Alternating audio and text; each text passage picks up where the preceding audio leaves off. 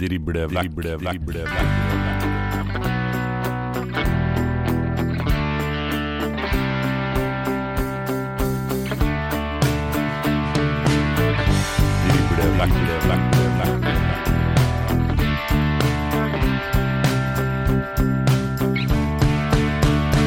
Hjertelig velkommen til en ny episode med Driblevekk. Dette er den eh, 62. episoden i eh, rekka. Vi skal kose oss og snakke om Obos-ligaen i dag òg, vi. Og mitt navn er Erik Arnøy, og ved min side vår fotballekspert Dag Alexander Gamst. Hei, Dag. God dag, god dag, Erik. Hyggelig å se deg nok en gang. I dag har du gleda deg, Ja, denne her har jeg sett frem til lenge, også, siden vi fikk go fra han vi skal snakke med nå. ikke sant? For det er jo sånn at det er stor bevegelse i det som foregår rundt Obos-ligaen, selv om vi bare skriver tidlig i januar ennå.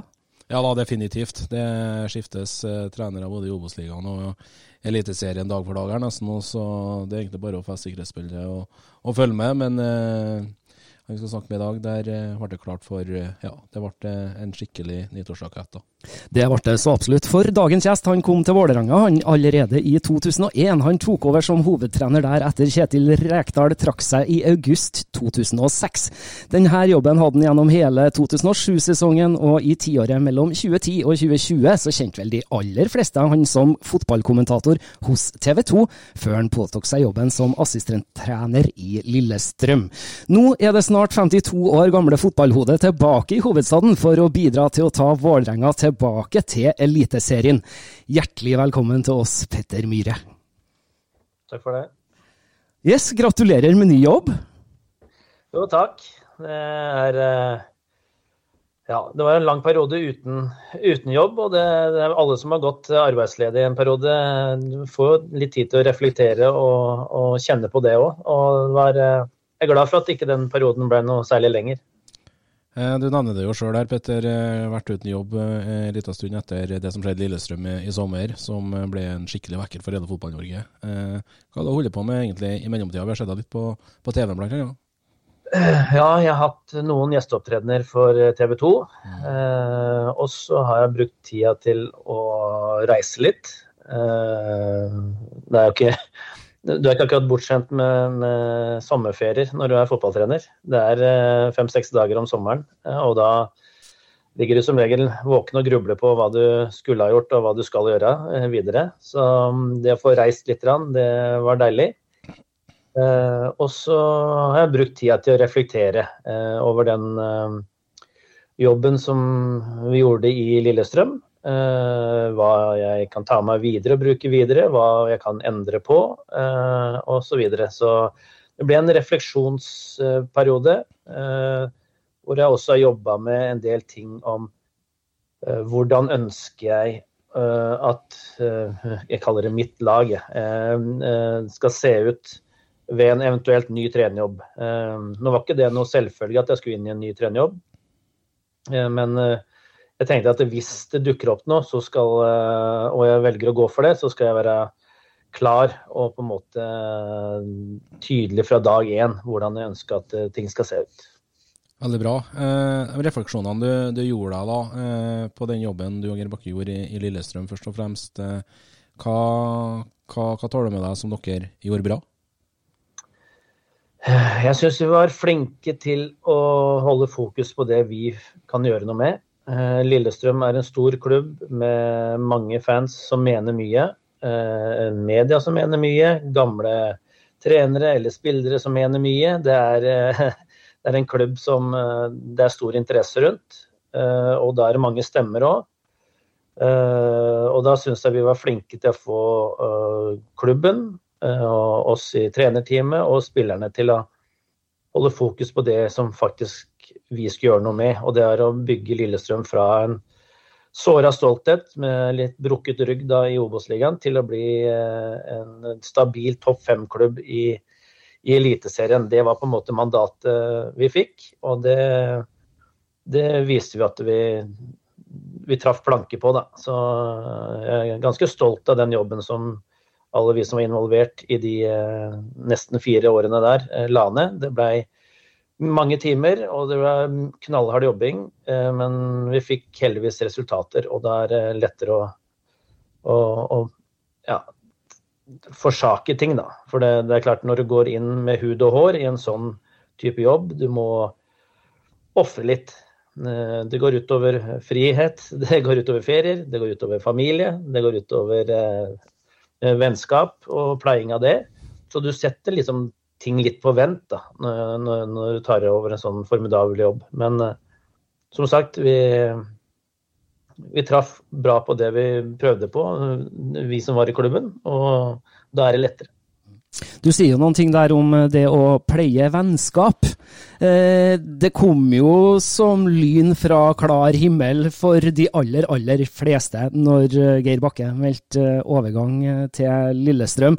Vår gode venn i VG, Steffen Stenersen, skrev jo en sak om det her for noen dager siden, og, der, der, beskriver du jo at du ble forbanna. Kan du, kan du si litt om det her, Petter? Ja, nå begynner det å bli en stund siden, da. Så det var jo Nei, eh, greia der var jo at eh, vi hadde hatt tre fantastiske år i Lillestrøm sammen. Eh, jeg gleda meg til å gå på jobb hver eneste dag, eh, og det tror jeg de andre der gjorde òg.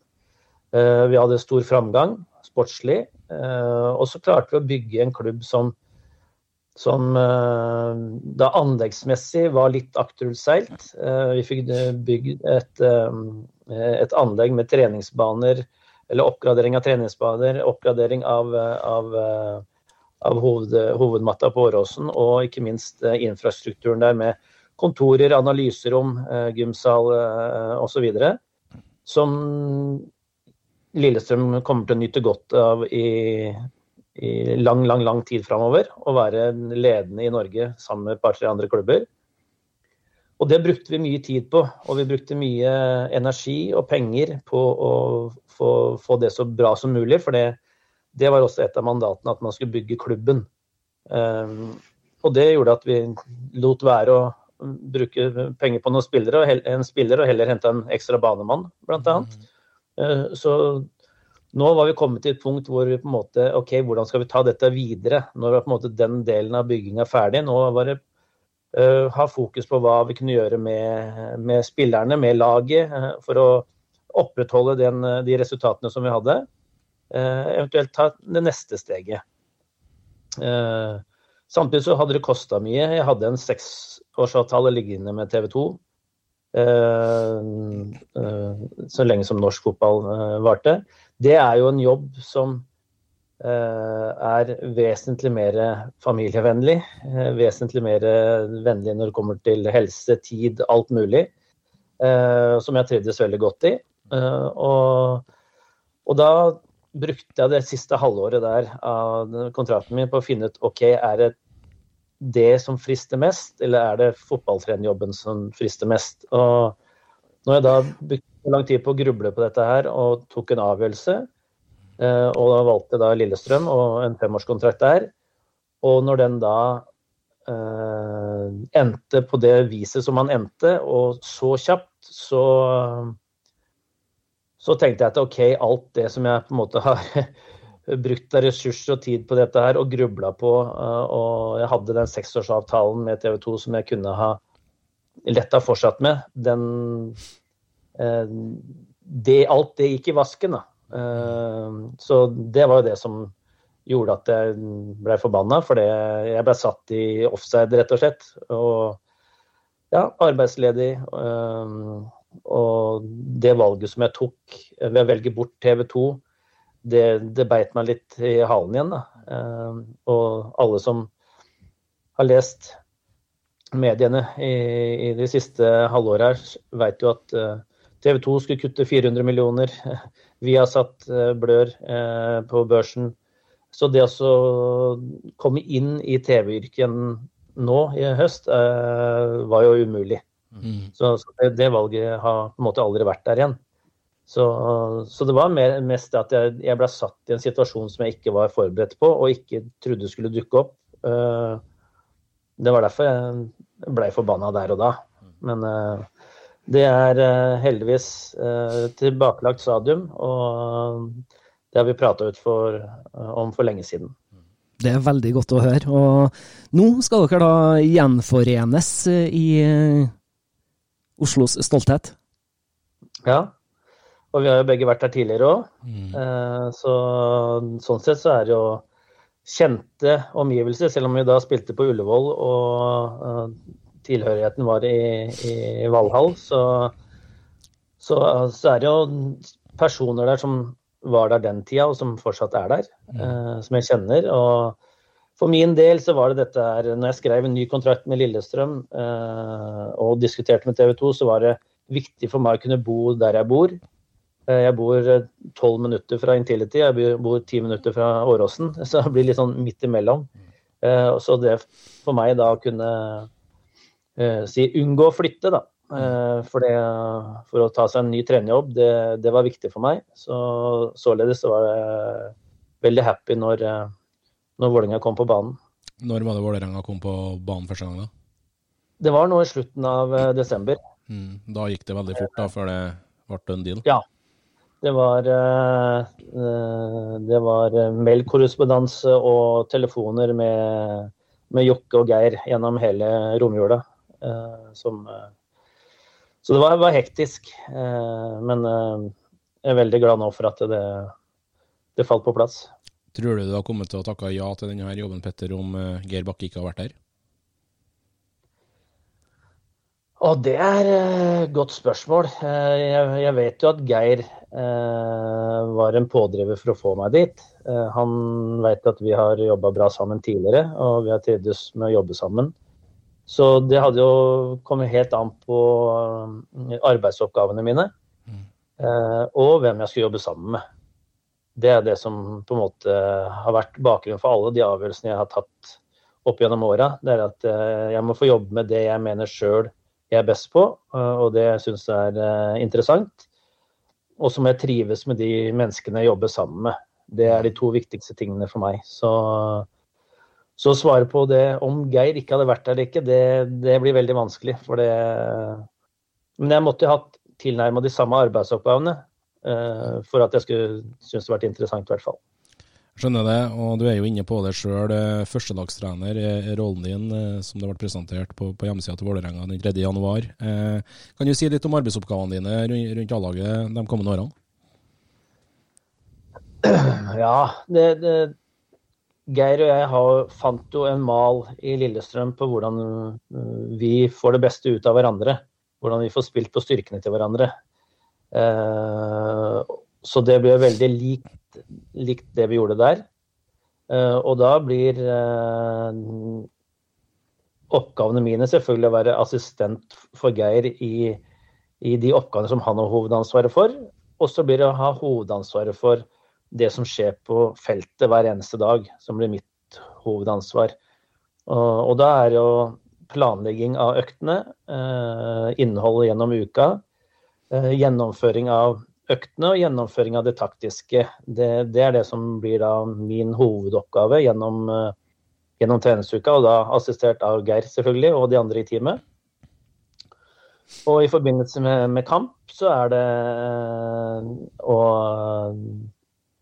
informere eh, eller legge taktikken, kampplanen, sammen med Geir selvfølgelig. eh, Hvordan vi ønsker å, angripe kampen.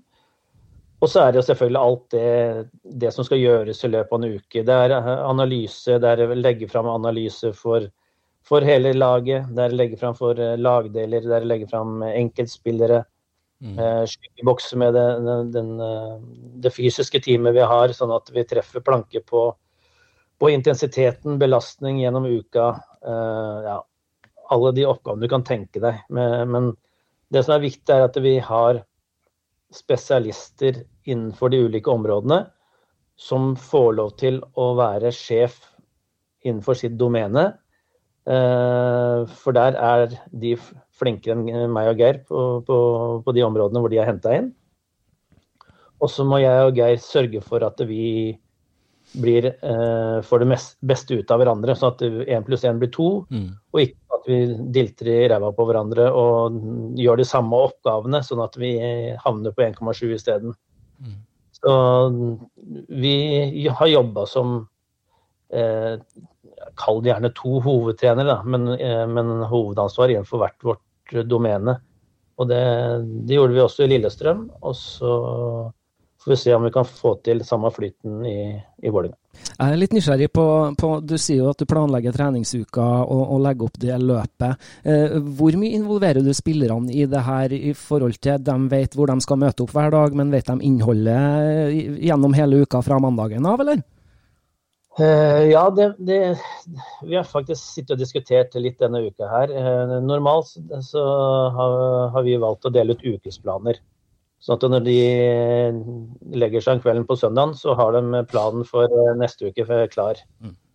Uh, og da er jo Da vet du hvilket tidspunkt de skal møte på, hvilke dager vi skal trene på. Når er det frokost, når er det trening, når er det lunsj, når er det dobleøkter, når er det analyse. Hva er det de ulike øktene skal inneholde. Belastningen på de ulike øktene. og så er det sånn at plutselig etter dag fire så finner vi ut at ok, her må vi gjøre noen endringer. Mm. Eh, vi kjenner på spillergruppa nå at de trenger mer av noe, eller de trenger mindre av noe.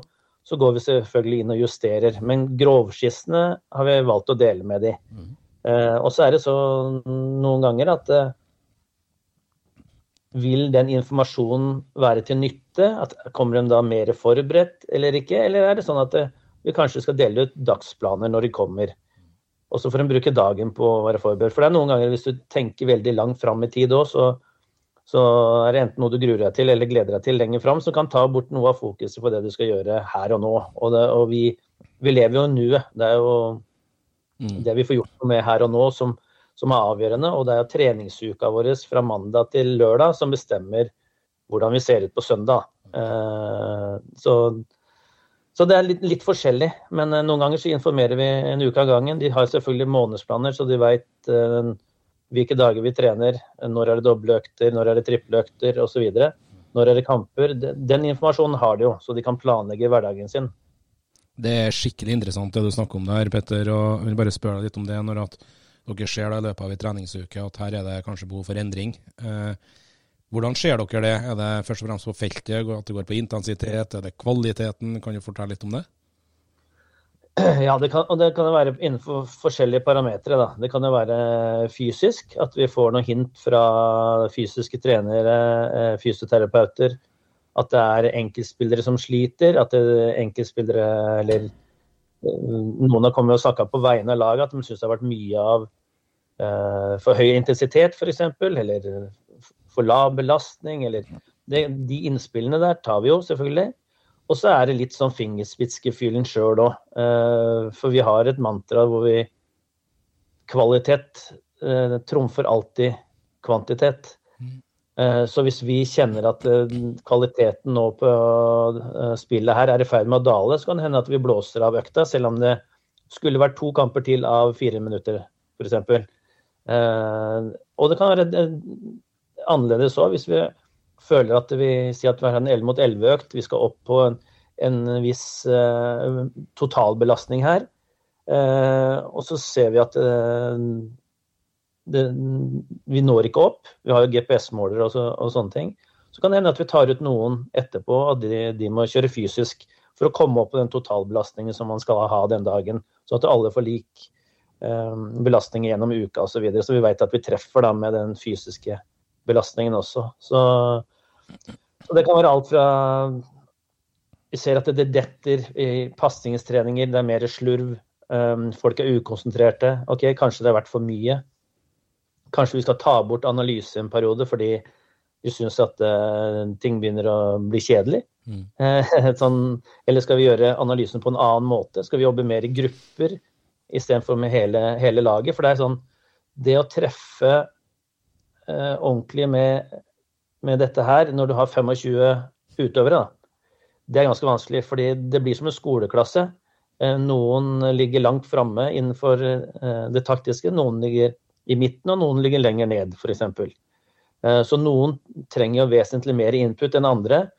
Og for da sørge for at de som trenger minst input, syns dette fortsatt er interessant, eh, å få de med. Hvordan skal vi klare det? Uten at de, de, de som ligger lengst bak, faller av osv. Eh, det er sånn vi diskuterer hele veien. Og da bruker man selvfølgelig den erfaringa man har. har vært igjennom. Og vi vi er heldigvis i Vålerenga så er vi et erfarent team som har vært med, vært med på mye forskjellige roller.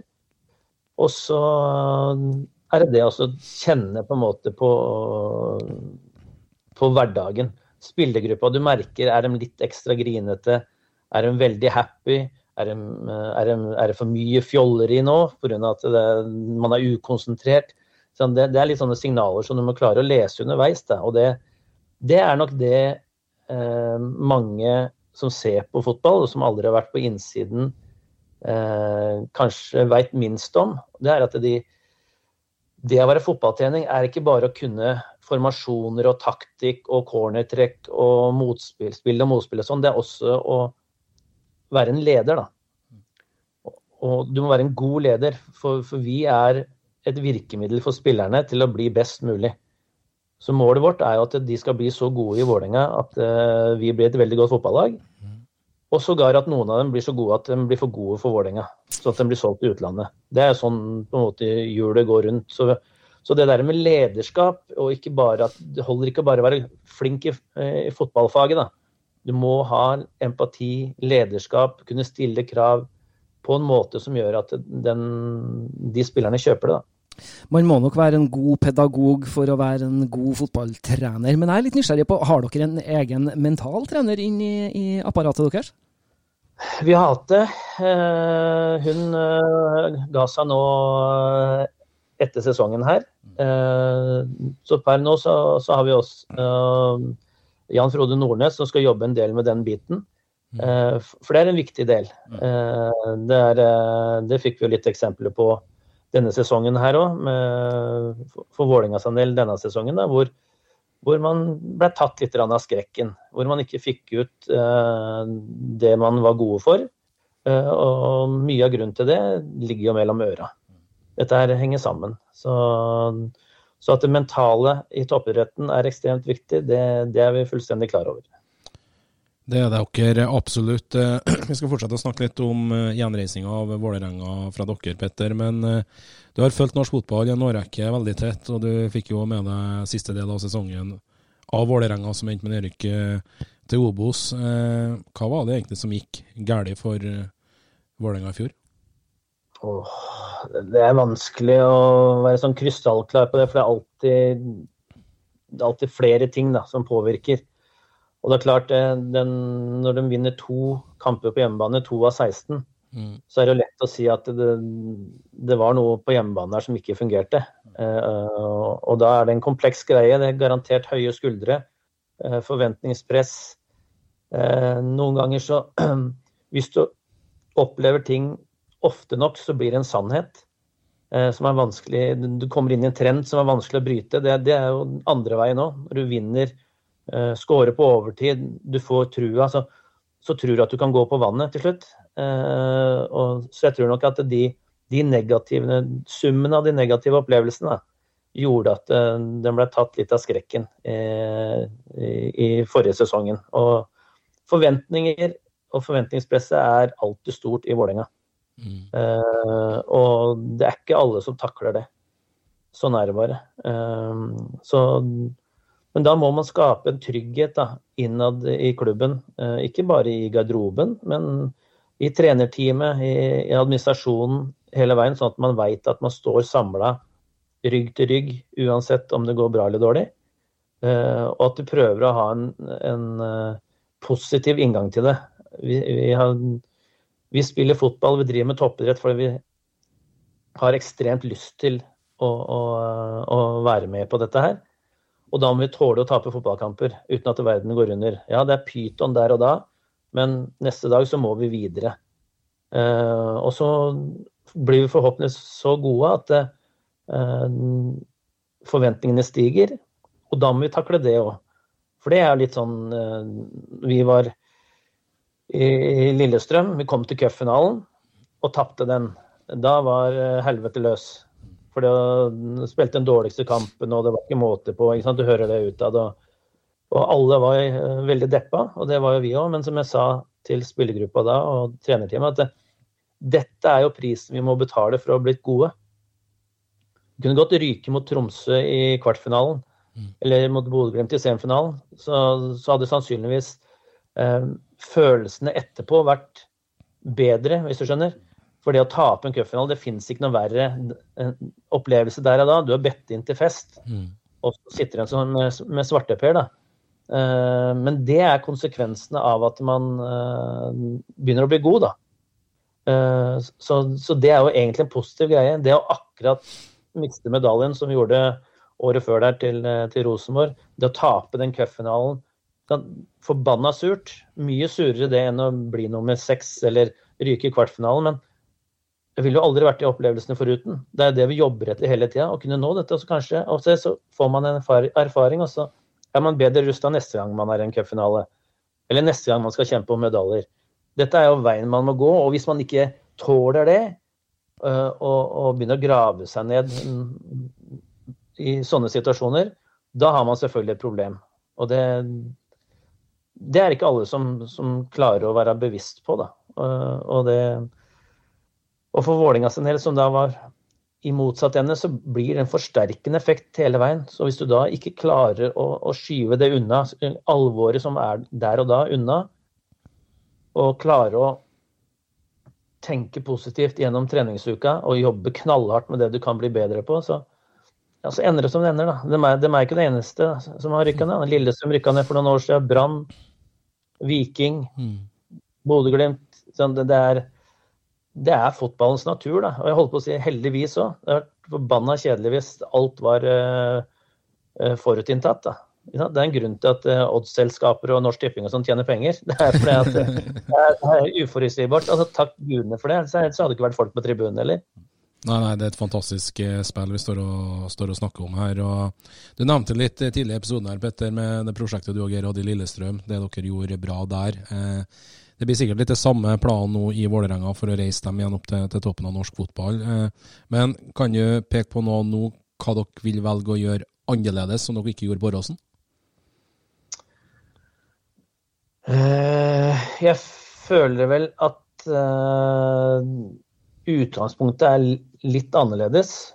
Uh, fordi Lillestrøm hadde vært oppe i var det 45 år, eh, men hadde de ti, ja, nesten ti årene før, før vi kom dit, eh, hadde det hele tida nesten vært en sånn kamp om å overleve. Det var en sånn overlevelseskultur som, som bredte seg der, som, eh, og hvor på en måte ja, Det var lenge siden de, de vant til cupfinalen i 2017, der, men bortsett fra det så var det få positive opplevelser. Da, så jeg følte at det, det, inngangen der var annerledes, litt annerledes enn den er i Vålinga nå. For det, det er, er et par-tre sesonger siden Vålinga vant bronse. Mm. Eh, man har vært midt på tabellen. Ja, forventningene har vært høyere, men man har liksom ikke hatt ett bein i grava sesong etter sesong etter sesong, da. Så, så jeg føler at det er litt annerledes inngang der. Og så er det det eh, at vi, vi arver en annen spillergruppe. Eh, ok, Hvordan blir tilnærminga? Hvordan, hvordan skal vi spille? Eh, den trenger ikke å bli lik. Så mye av, mye av av tilnærminga blir jo lik. Og det er fordi at det er, det er fotball, og det er to klubber som, hvor det forventes at skal levere resultater. Men samtidig så, så, er det litt annerledes, og det er noe med kulturen dit du kommer å gjøre. og eh, du, du, må ta litt hensyn til, til, eh, til, kulturen som er i klubben, som er i garderoben, som er, eh, er på, i, i, den bydelen hvor du, hvor du er trener. da. Mm. Eh, Så, og den er ikke helt lik i Lillestrøm og eh, på Vålerenga f.eks. Så små justeringer blir det, men den tankesettet vårt på hvordan uka, månedene, året skal se ut, er eh, veldig mye likt. Ja, det er veldig, veldig interessant eh, det du snakker om her, eh, Petter. Men duoen Geir Bakke, Petter Myhre, denne her sesongen og for så vidt når dere var på Åråsen, nå, kan du forklare hvorfor dere toene utfyller hverandre så bra? Først og fremst er, har vi ingen prestisje, noen av oss. Hvem som gjør hva, eh, hvem som sier hva, eh, hvem som får skylda, hvem som får æren, hvem som Ja, det, vi er to gode kompiser som, som kjenner hverandre så godt at vi er trygge på hverandre. Eh, og det er ikke alle trenerduoer som er. Og i fotballen som all annen toppidrett så fins det, det mange egoister. Folk som har lyst på jobben din. Folk som ikke nødvendigvis forteller sannheten, eller la lar være å fortelle sannheten. Eh, så, så det at vi er så trygge på hverandre eh, i hverdagen, eh, tror jeg er et stort pre. Eh, at vi unngår å ha noe prestisje, men at vi hele tida er opptatt av ok, hva er det klubben har mest behov for nå? Fra Geir, fra meg. Eh, Det at vi har evnen til å stole på de vi har med oss i teamet, gi de ansvar. Eh, At vi er krevende, men samtidig empatiske og, og mener at dette her må selges inn med litt kjærlighet. Det tror jeg er bra. Det tror jeg plasser den norske kulturen. Eh, Hadde man vært trener i, i et annet europeisk land, så kunne man kanskje hatt en annen, røffere tilnærming enn det man har i Norge. Og så har vi jo mye erfaring, da. eh, Og begge har erfaring som hovedtrenere. Eh, Det er noe spesielt med det òg. Det er annerledes å være hovedtrener enn en, en vanlig assistent eller en spillerutvikler eller en keepertrener. Det, det blir litt som eh, en som sa, meg at, sa til meg at det å være hovedtrener, det er å være i krigen. Mens det å være assistenttrener, det er å være militære. Mm. For alt du gjør som hovedtrener, det får konsekvenser. Alt i positiv og negativ retning. Som assistenttrener kan, eller spillerutvikler eller keepertrener så kan du mene mye, men det er ikke du som sitter med ansvaret hvis det går, til, går i dass. da. Mm. Uh, så i militæret, da, når en står med en rødfis rundt hjørnet og skyter med, med løskrutt, så er det litt annerledes enn hvis det er en ordentlig kule der. ikke sant? Uh, og så den at begge har den erfaringa eh, og har kjent på hvor aleine du ofte kan føle deg som, som en hovedtrener, da, og spesielt da i, i motgang. Det tror jeg er en styrke for oss som gjør at vi kan, vi kan si hva vi mener hele tida. Vi kan gjøre det vi har mest tro på hele tida. Vi kan være kritiske til, til hverandre uten at vi eh, tror at noen er ute etter jobben til hverandre, eller ja, hva det måtte være. Vi skal eh, bevege oss litt eh, over på å få med oss noen spørsmål fra våre lyttere også, vi, rett etter det her. Drible, vekle, vekle,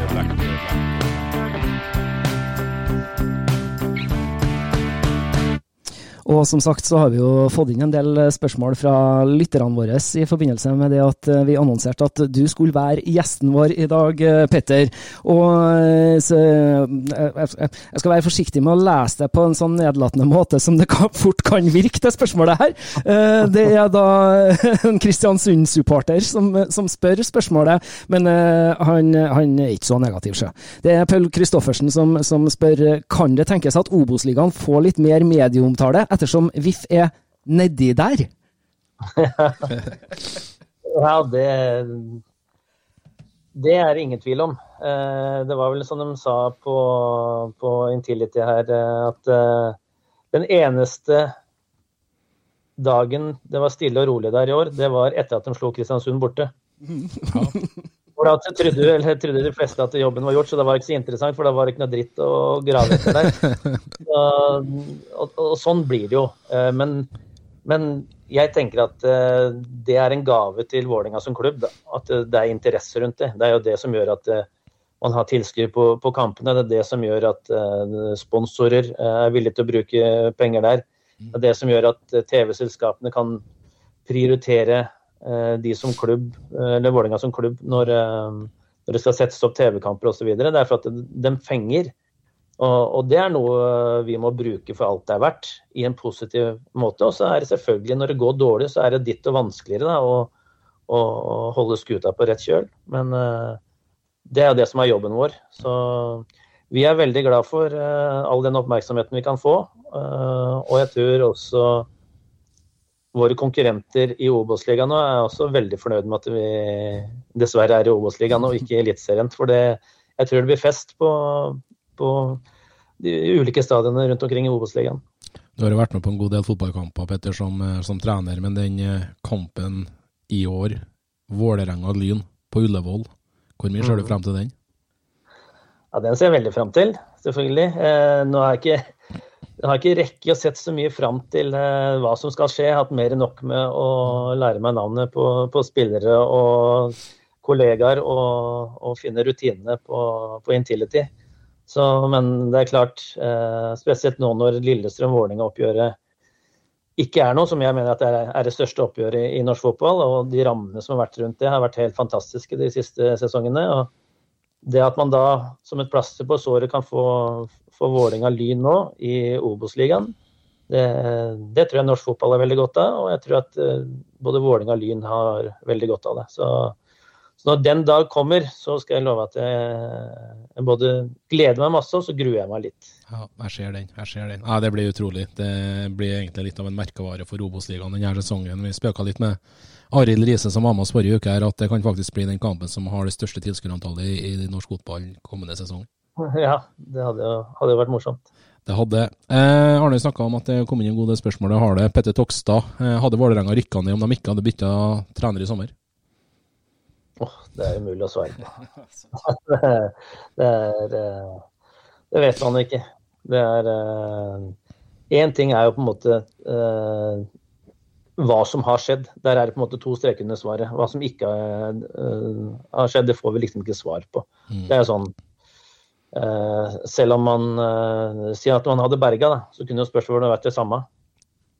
Absolutt. Så, det er ikke, så sånne ting bruker jeg veldig lite tid på å diskutere, for det er ikke noe, så lenge det ikke er noe svar på det.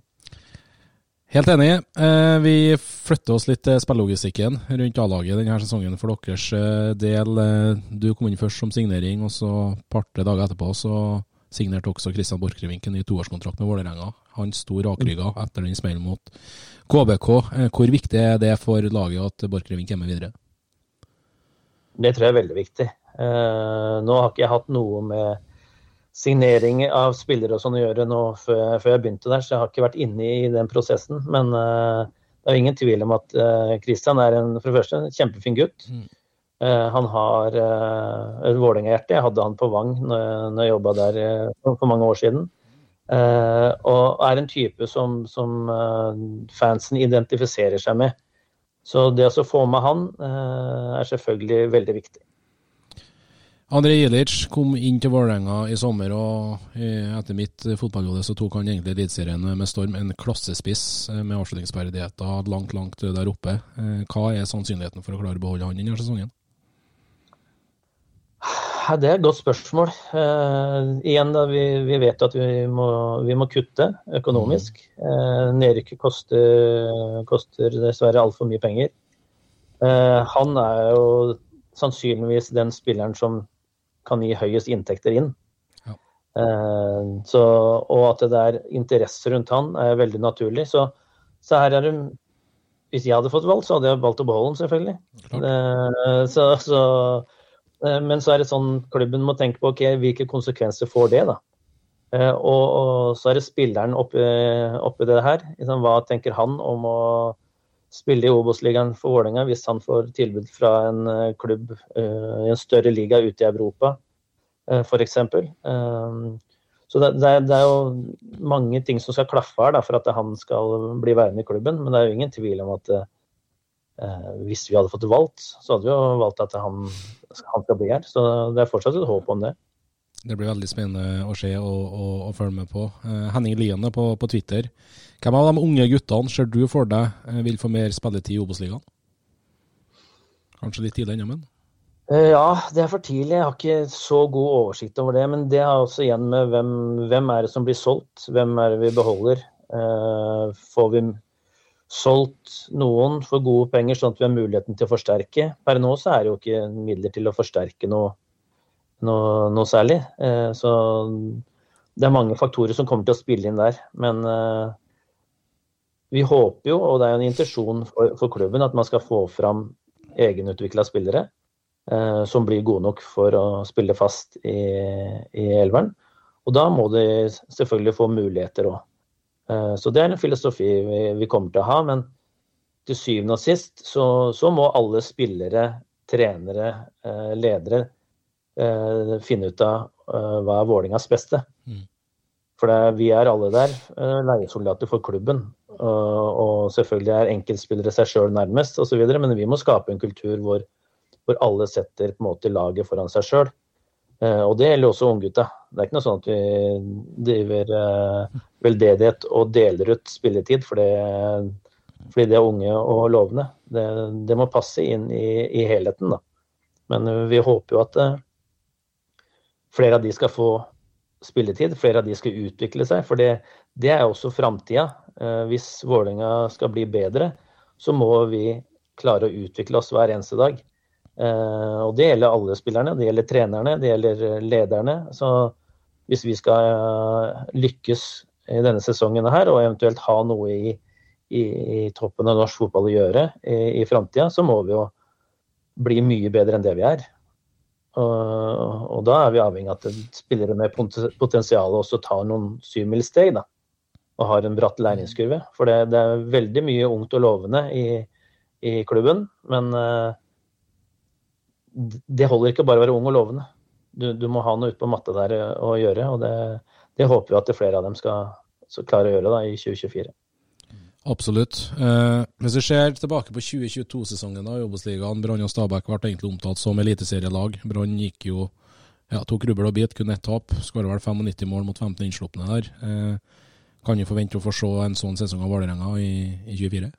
Nei, det, det klarer jeg ikke å svare på. For det, det er litt som vi snakka om i stad, at eh, kommer du inn i en steam, så tror du til slutt at du kan gå på vannet. Da, da, da vinner du noen ekstra kamp, fotballkamper, selv om du ikke nødvendigvis har vært god heller, men du har litt stang hin, og du, du, du har så troa på det, og motstanderen har den respekten.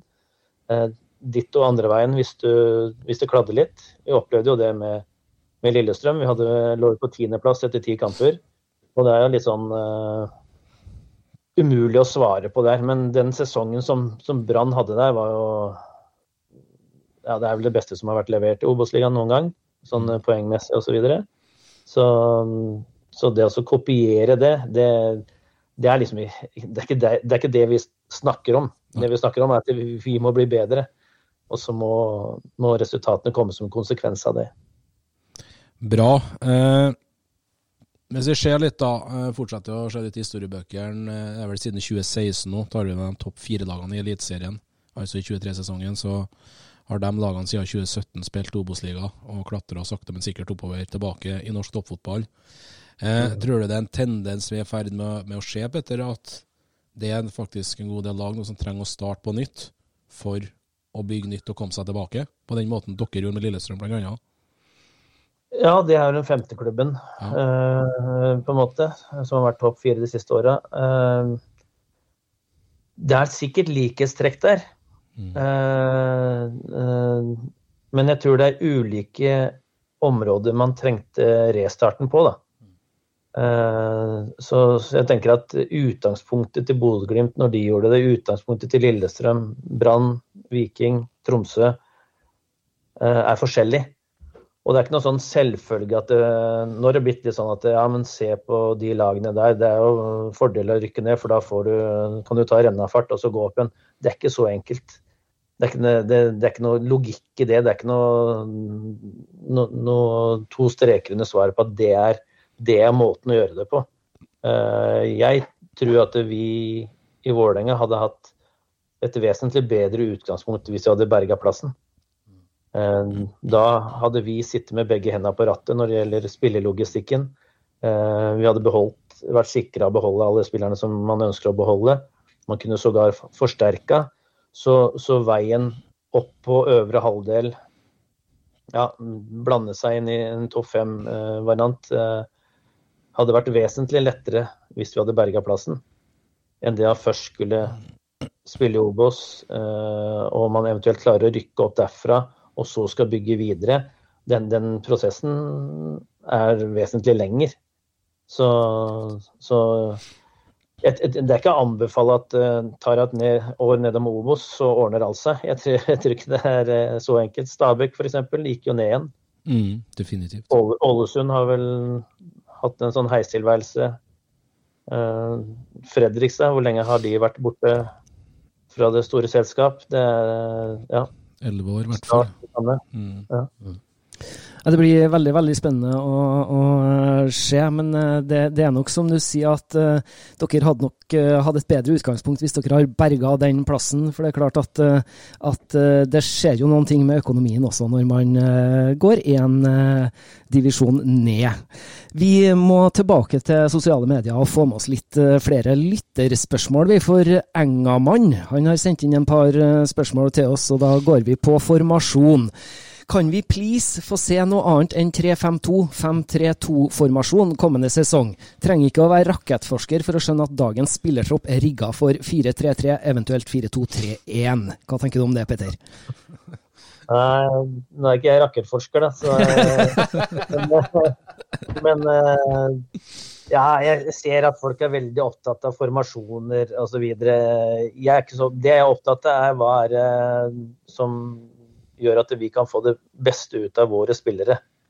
Uh, og sånn det ser ut nå, så kommer vi ikke til å spille med to spisser. Um, så utgangspunktet vårt nå er at vi kommer til å spille med én spiss. Mm.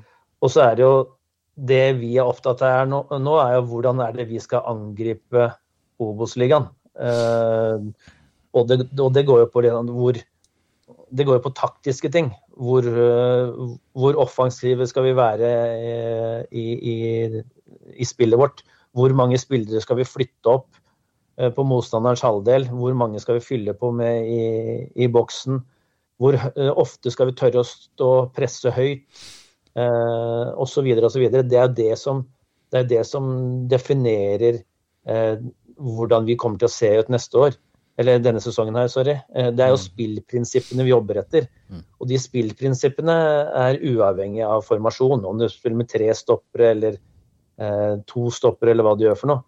Det er jo på en måte hvordan du bruker de. Det er jo mange, mange lag som, som eh, ja, f.eks. spiller med fem bak, da, som gjør det utelukkende av en defensiv, eh, med en defensiv inngang for de skal stenge igjen, og de holder igjen wingbackene sine sånn. Men hvis du flytter opp begge wingbackene dine på, som kanter, da, uh, så ligger en med tre stoppere, så er det det samme som når uh, f.eks. man spiller med en 4-3-T, da, og man flytter uh, han defensive midtbanespilleren sin ned mm. i frispillinga. Da er du to stoppere og en sekser. Så formasjonen blir det samme. Så, mm. så det, det med at folk henger seg opp i formasjonen at det forteller om du er offensiv eller defensiv, det er jeg ikke helt enig i.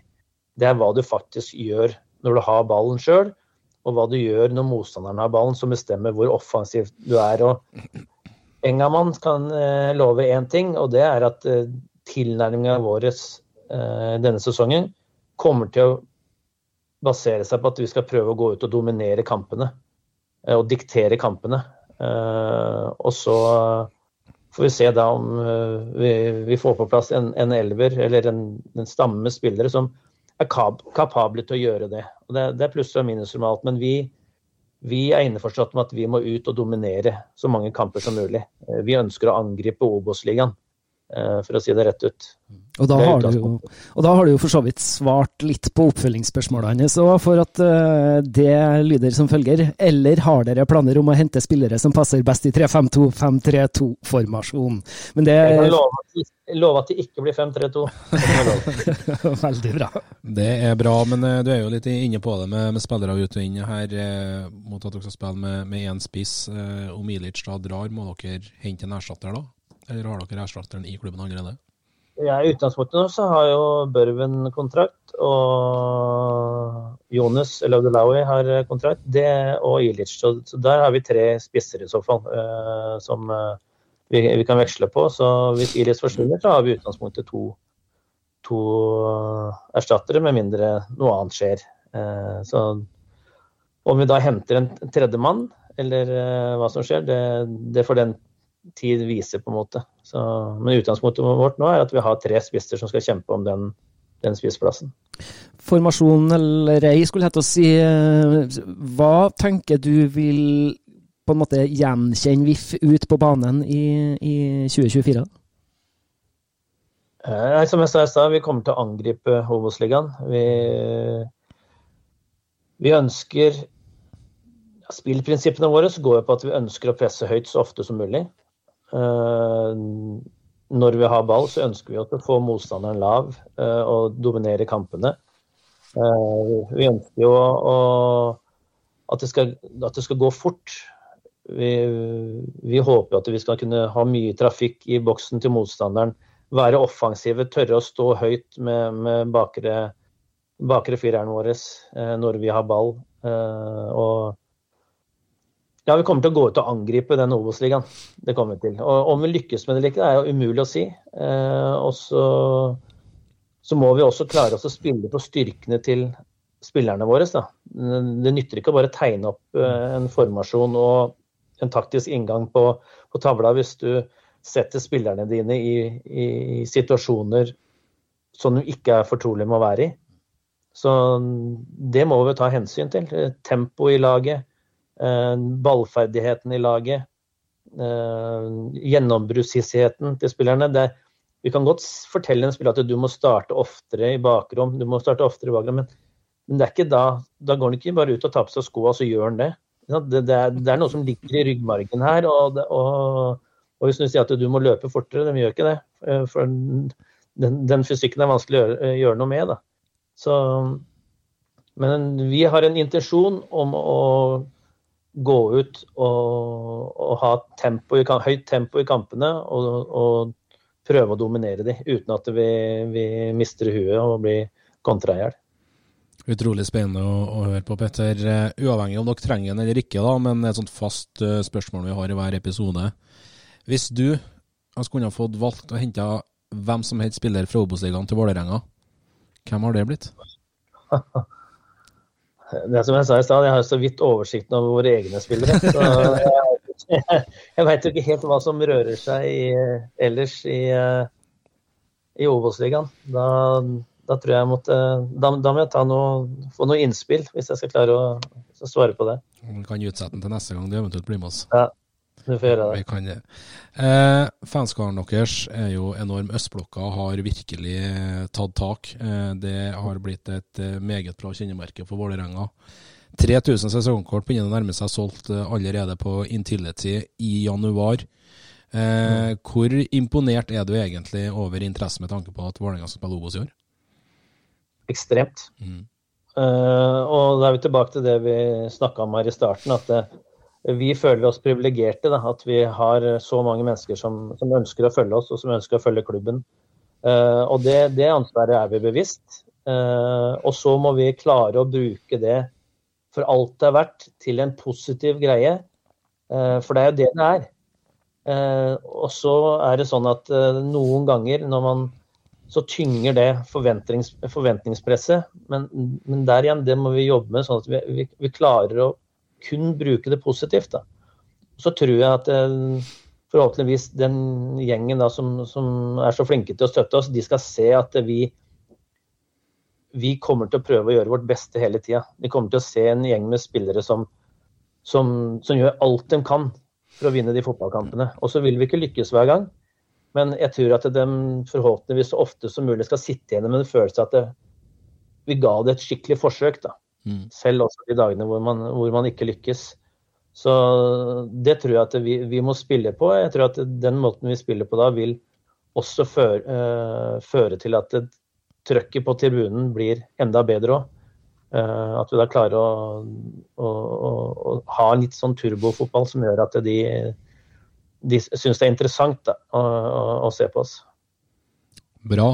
Eh, du var jo inne på det innledninga her med rollen din i, i TV 2 eh, som kommentator. Eh, er det noe du tar med deg fra den jobben inn mot treneryrket?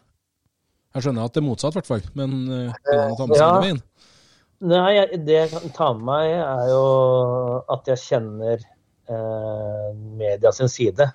Jeg kan være en rådgiver til andre i støtteapparatet, til eh, folk i administrasjonen, spillere som som havner i intervjusituasjoner, eller eh, som, eh, som har vært oppe i en situasjon som i utgangspunktet ikke er noe ålreit, som du veit det blir skriveri rundt. Ok, hvordan, hvordan, hvordan, takler vi det?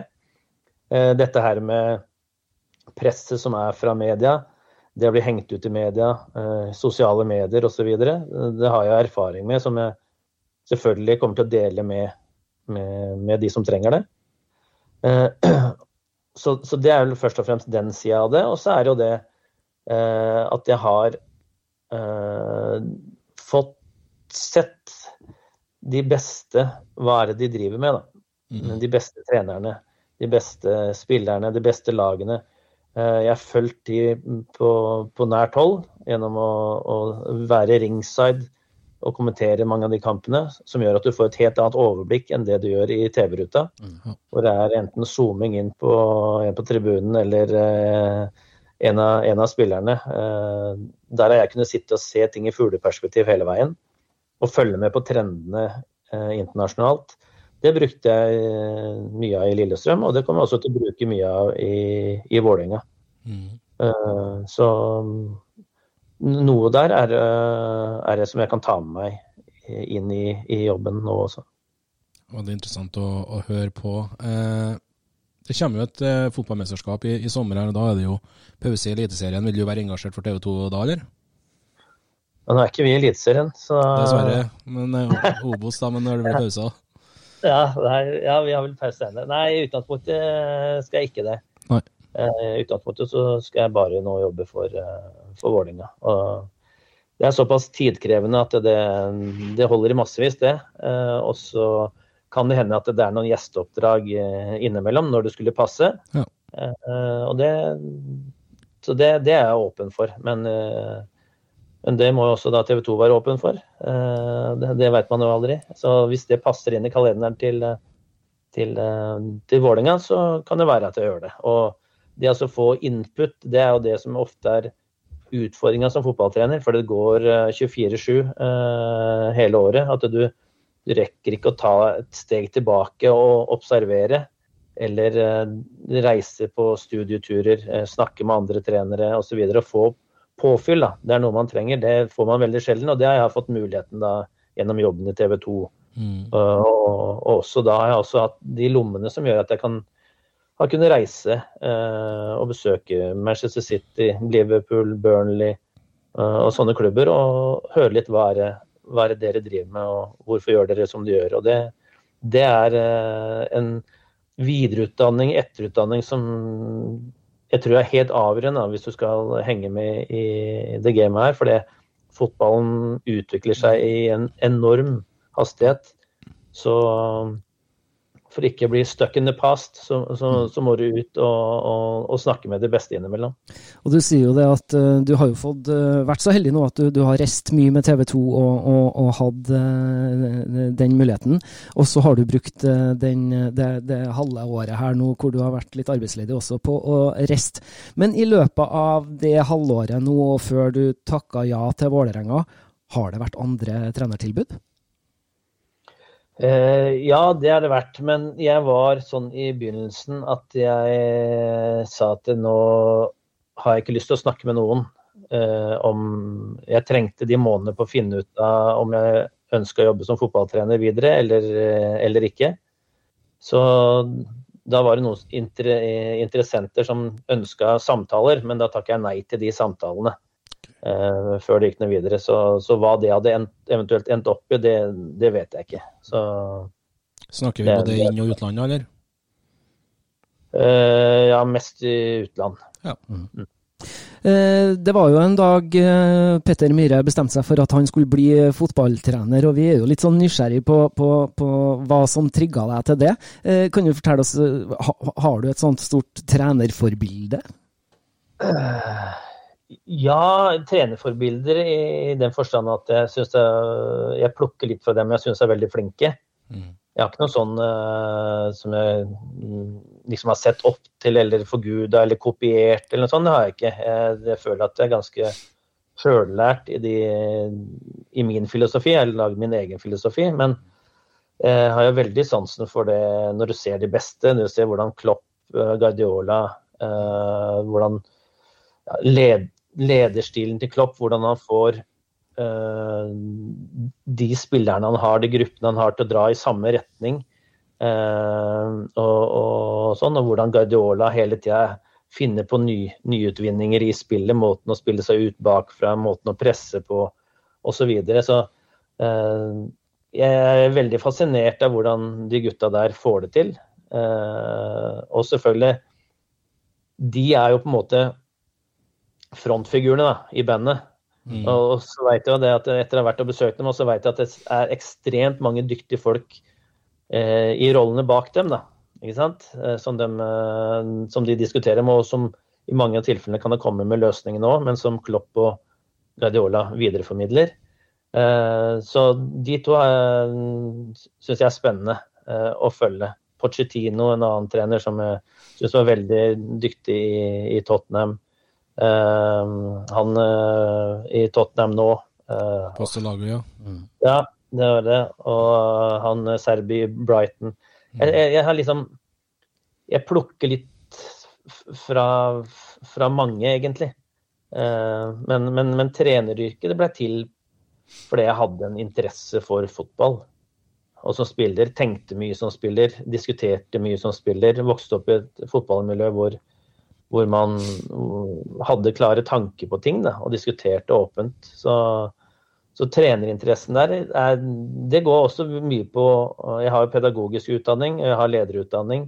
Og det å få utøve det i en prestasjonsgruppe da, hvor du får så mye svar, Eh, både positive og negative svar etter en kamp, og så ofte svar. Det, eh, det å klare å manøvrere en sånn gruppe, da, det har alltid fascinert meg. Det, det syns jeg er kjempespennende. Og det å være ute på feltet og ikke bare sitte bak en, en lederpult inne, det, det hadde kledd meg dårlig.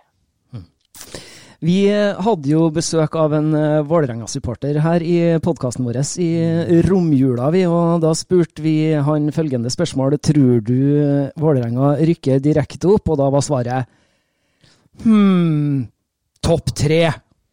Vi rykker opp, men kanskje via kvalifisering. Eh, må dere innom kvalifisering, Petter? Nei, det håper jeg ikke. Men uh, om det er det som skal til for å rykke opp, så hadde jeg sagt ja her og nå. Resultatfokuset er jo opprykk, det skjønner jeg. Men, men uh, hovedfokuset til, vis, til, oss som skal jobbe med dette, her, er at vi må bli bedre. Mm. Uh, og vi må bygge klubben på alle områder. Det blir litt som en, en oljeplattform ja. med fire søyler. Hvis vi vokser ujevnt, så, så hvelver den. og det er, det er, viktig for oss nå at hele klubben har tatt en, en, en, samling nå og finner ut hvordan kan vi gjøre ting bedre. Og det gjelder, det gjelder hele klubben. Og, og, det å få være med på den prosessen å bygge klubb igjen, det er det som jeg syns er mest spennende. Og så må vi på sport da sørge for at vi blir bedre dag for dag for dag.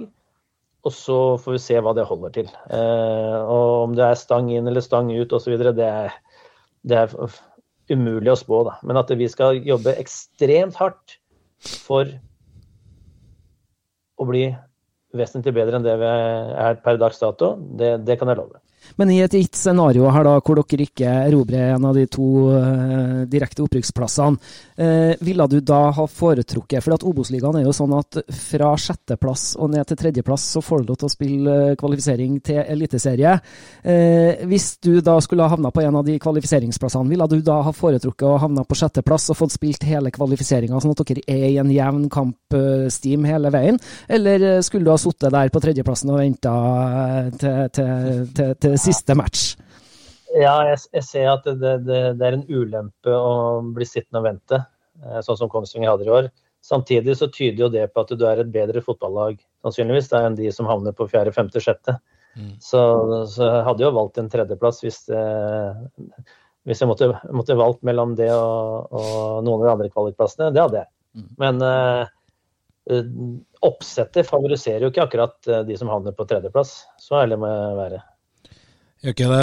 Eh, vi, begynner, eller, vi begynner å nærme oss slutten, Petter. Helt til slutt, vil det være en fiasko om Vålerenga ikke rykker opp til Eliteserien? Resultatmessig så vil jo selvfølgelig alle si det. Eh, så er det litt Jeg er på en måte forplikta til å si at resultatmålet er at vi skal rykke opp. Mm. Eh, og det er jo det vi jobber mot, selvfølgelig. Eh, samtidig så må vi som jobber med sport skjønne at eh, vi må bli mye bedre på mye. For at vi ikke skal bli et lag som uh, ikke har noe i Eliteserien å gjøre. For når vi først kommer oss opp, så, så, må vi være klare for å ta nye steg. Uh, og det er på en måte fokuset vårt. Og så, så håper vi selvfølgelig at det ender med et oppbygg til slutt, men det, det er ikke noe som kan bestilles. Det, jeg tror det er vanskeligere å rykke opp fra Obos-ligaen i år enn det er for å berge plassen i Eliteserien. Det er jeg helt enig med deg så, så, dette her blir eh, Det blir tøft, men forhåpentligvis blir det gøy. Og vi skal legge enormt i potten, i hvert fall, for at uh, våre tilskuere skal få mange herlige opplevelser. Ja, og de herlige opplevelsene de starta allerede den 1. april. Eh, og da er det jo sånn at dere får besøk av Tore André Flo og Sogndal. Hva tenker ja. du om årets motstandere? Nei, det, det, er mye bra lag der. Eh, jeg kjenner jo Tor André Flo. Han uh, var jo spiller der sist jeg var, i, jeg var trener der, uh, blant annet.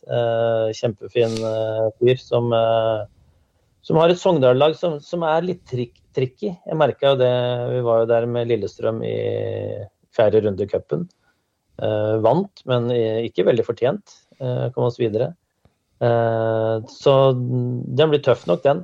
og det er det er en fire, fem, seks gode lag i Obos-ligaen eh, denne sesongen som, som, gjør at jeg tror det blir, blir spennende eh, hele veien. Vi gleder oss eh, i hvert fall veldig, og, og syns jo det er eksepsjonelt kult å ha Vålerenga i Obos-ligaen i, i, 2024. Det, det, gjør det jo mye artigere for oss òg å, å, drive på med den, den ligaen her. Eh, vi må ønske deg og Geir og resten av apparatet rundt eh, Vålerenga masse lykke til med oppkjøringa nå foran sesongen. Vi setter veldig stor pris på at du tok deg tid til å være med oss her i dag. Petter, og så håper vi at uh, vi får slått av en prat uh, i løpet av sesongen med deg også. Uh, ja, masse lenge, lykke til. Så lenge vi ikke snakkes i 2025, så er det greit. Godt svart. Tusen hjertelig takk, Petter, og lykke til med sesongoppkjøringa. Takk for det. Yes, Dag. Vi uh, runda en drøy time der med eh, et klokt fotballhode som, som vi spent skal følge med på hva skal utrette her nå i 2024. Ja, du sier det veldig bra, syns jeg. Et utrolig klokt fotballhode. Dette er en time med detaljert beskrivelse hvordan Vålerenga skal fremstå i Obos-ligaen 2024. Det er en detaljert beskrivelse hvordan eh, de skal komme seg tilbake i toppen av eh, norsk fotball. Det er en detaljert beskrivelse hvordan de skal jobbe på treningsfeltet, i team, i lagdeler, og det hele som eh, følger med med å forme, bygge et lag som til slutt ikke skal vite hva å tape fotballkamper er. Resepten de hadde i Lillestrøm, fungerte veldig veldig bra. Det blir selvsagt noen endringer. Fotballen utvikler seg, som, som Petter sier, og som andre å, følge med på. Men eh, med denne duoen Petter Myhre, Geir Bakke sammen, de har visst at de får til ting. De har visst resultater. Eh, Vålerenga-fansen, Østblokka, Intility, de har mye å glede seg til denne sesongen, tror jeg. Det har vi også, og det har alle våre kjære lyttere også, som, som, følger sine respektive lag, og som hjertet banker litt ekstra for. Ja da, det er ikke noe, er ikke noe tvil om. og Greit, vi er 9. januar nå, og det seriestart andre påskedag for Vålerenga sin del, og hjemme mot, mot uh, Sogndal. Men uh, oppkjøringa er i gang, det blir treningskamper, og det er bare å, å, å følge med. Vi får en liten pekepinn på hvor de ligger da, men at Vålerenga er en soleklar opprykkskandidat i Obos-ligaen det er det ingen tvil om. Så absolutt. Eh, det skjer jo litt andre ting i, i Obos-ligaen eh, sånn sett òg. Det, det, går jo knapt ei uke uten at vi benevner klubben fra Kristiansand. For, for det har skjedd eh, ting i start igjen også, som du har snakka om en ganske lang periode allerede. For uh, idrettsklubben Start og Sindre Kjelmeland de har blitt enige om å skille lag, dem. Og da er det sånn at når spillerne kommer tilbake på feltet førstkommende mandag, så blir det et team bestående av Tommy Markovic eh, Nei, to, eh, Tommy Mark Markowski, Simen Mo, Jan Robert Holmgren og Pål Erik Pedersen, eh, som, som, da møter spillerne. Og som melder Start på sine hjemmesider at eh, Erik Myggen Mykland er også klar for å bidra på treningsfeltet. Han er jo per i dag hovedtrener for klubbens G15-lag. Ja, det stemmer veldig godt. Og denne her, beskjeden var, var venta. Det starta med Endre Eide som var ferdig. Så får Sportslig leder Magni Fannberg, og nå får også da hovedtrener Sindre Kjelmeland. En utrolig fin fyr. En god fotballtrener eh, som har lagt ned alt, så å si hele livet sitt, eh, i den perioden han trente eh, Start. Men det lyktes ikke for Kjelmeland å starte. Det var ikke en god nok eh, match. Nå er jeg utrolig spent på hva de eh, eh, finner frem. Hvem blir hovedtrener i Start? Det er en svær klubb. Det er fin fotballstadion. Det er mye ressurser. Eh, det var rykta litt med Magne Hoseth, Daniel Berg Hestad. Eh, nå sies det at Hoseth er i dialog med den danske klubben eh, Lyngby. Helt ærlig så, så aner ikke jeg hvem som blir ny hovedtrener i, i start. Jeg har vondt for å tro at det blir Kjetil Rekdal og Geir Frigård med historien som unnspant seg der når Rekdal var der sist. Så det her blir et åpent spørsmål. Det har gått rykter om amerikanske investorer. Jesper Mathisen skal være med i det koblet der. Det, det blir litt sånn som du, det blir ikke litt det, men det blir som du sier i innledninga av det her temaet, Erik Arnøy, at uh, det er noe med det her uh, idrettsklubben Start. Det skjer noe. Du var snill når du sa at det skjer noe hver uke. Jeg vil si at det skjer noe hver dag. ja, ja. Så, men uh, Guttene møtes på feltet nå kommende mandag. Eh, trenerapparatet midlertidig ansatt, eh, som du lista opp her. Men det blir ikke dem som blir den permanente løsninga i Kristiansand, det er jeg helt sikker på. Hvem det blir, det er jeg utrolig usikker på, så her må vi bare, bare følge med. Men eh, det var jo en som ble arbeidsledig når Geir Bakke kom til Vålerenga. Ja. Kan han være aktuell? Dag Eide Fagermo vil helt sikkert være et navn. Eh, jeg vil jo trekke frem et annet navn i, Christian Michelsen. Eh, jeg vet òg at han er på lista til, til Odd. Det er ikke Dag Eile Fagermo. Eh, men Christian Michelsen kan fort være eh, en het kandidat til å, til å, ta over Start. Det er en veldig veldig fin utfordring for Christian. Eh, eh, som nevnt, det er en svær klubb, det er opprykksambisjoner, så, så det holder etter. Og så vi jo denne sesongen også et startlag som plukka poengene sine hjemme. De var elendig borte. De hadde vært to borteseiere, tror jeg. Helt uoffisielt i, i 23-sesongen. og Det var vel mot Skeid og, og Jerv, og vi vet jo hvordan det gikk med de to lagene. Så det er mye potensial i, i start, men det, økonomi spiller inn der òg. Men hvis det er investorer på tur nå fra, fra over dammen her, så kan jo det meste skje. Får vi se Jesper Mathisen som sportssjef i eh, Start? Det har vært utrolig kult. Eh, Jesper Mathisen han tar frem øksa egentlig hver eneste helg Start spiller fotballkampene og forteller hvor dårlig det er. Eh, både ute, ute på fotballbanen og, og klubbdrifta generelt sett. Så det har vært litt artig å, å få inn han her. og at han hadde fått muligheten da, til, å, til å vise hvordan det skal drives og gjøres.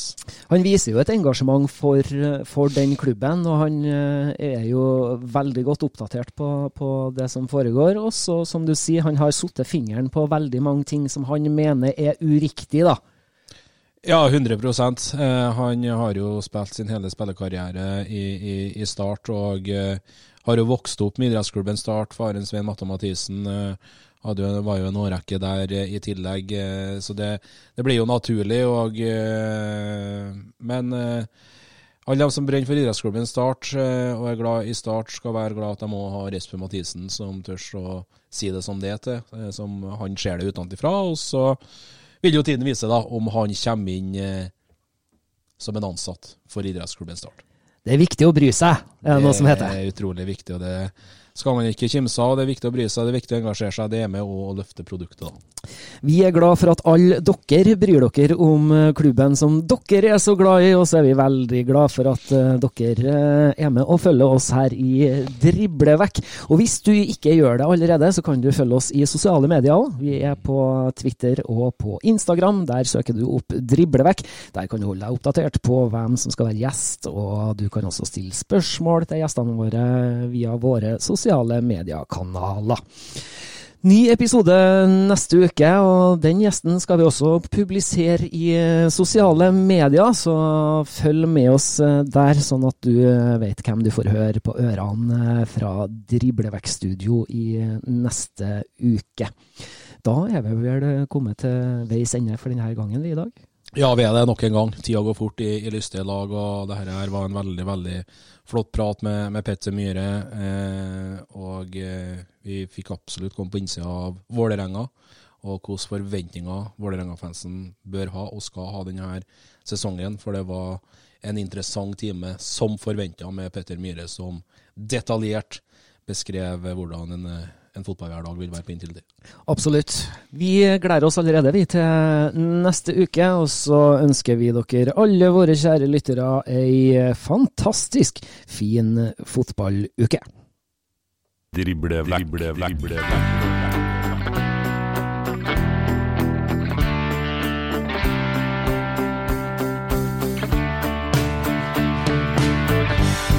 Drible vekk, drible vekk, drible vekk.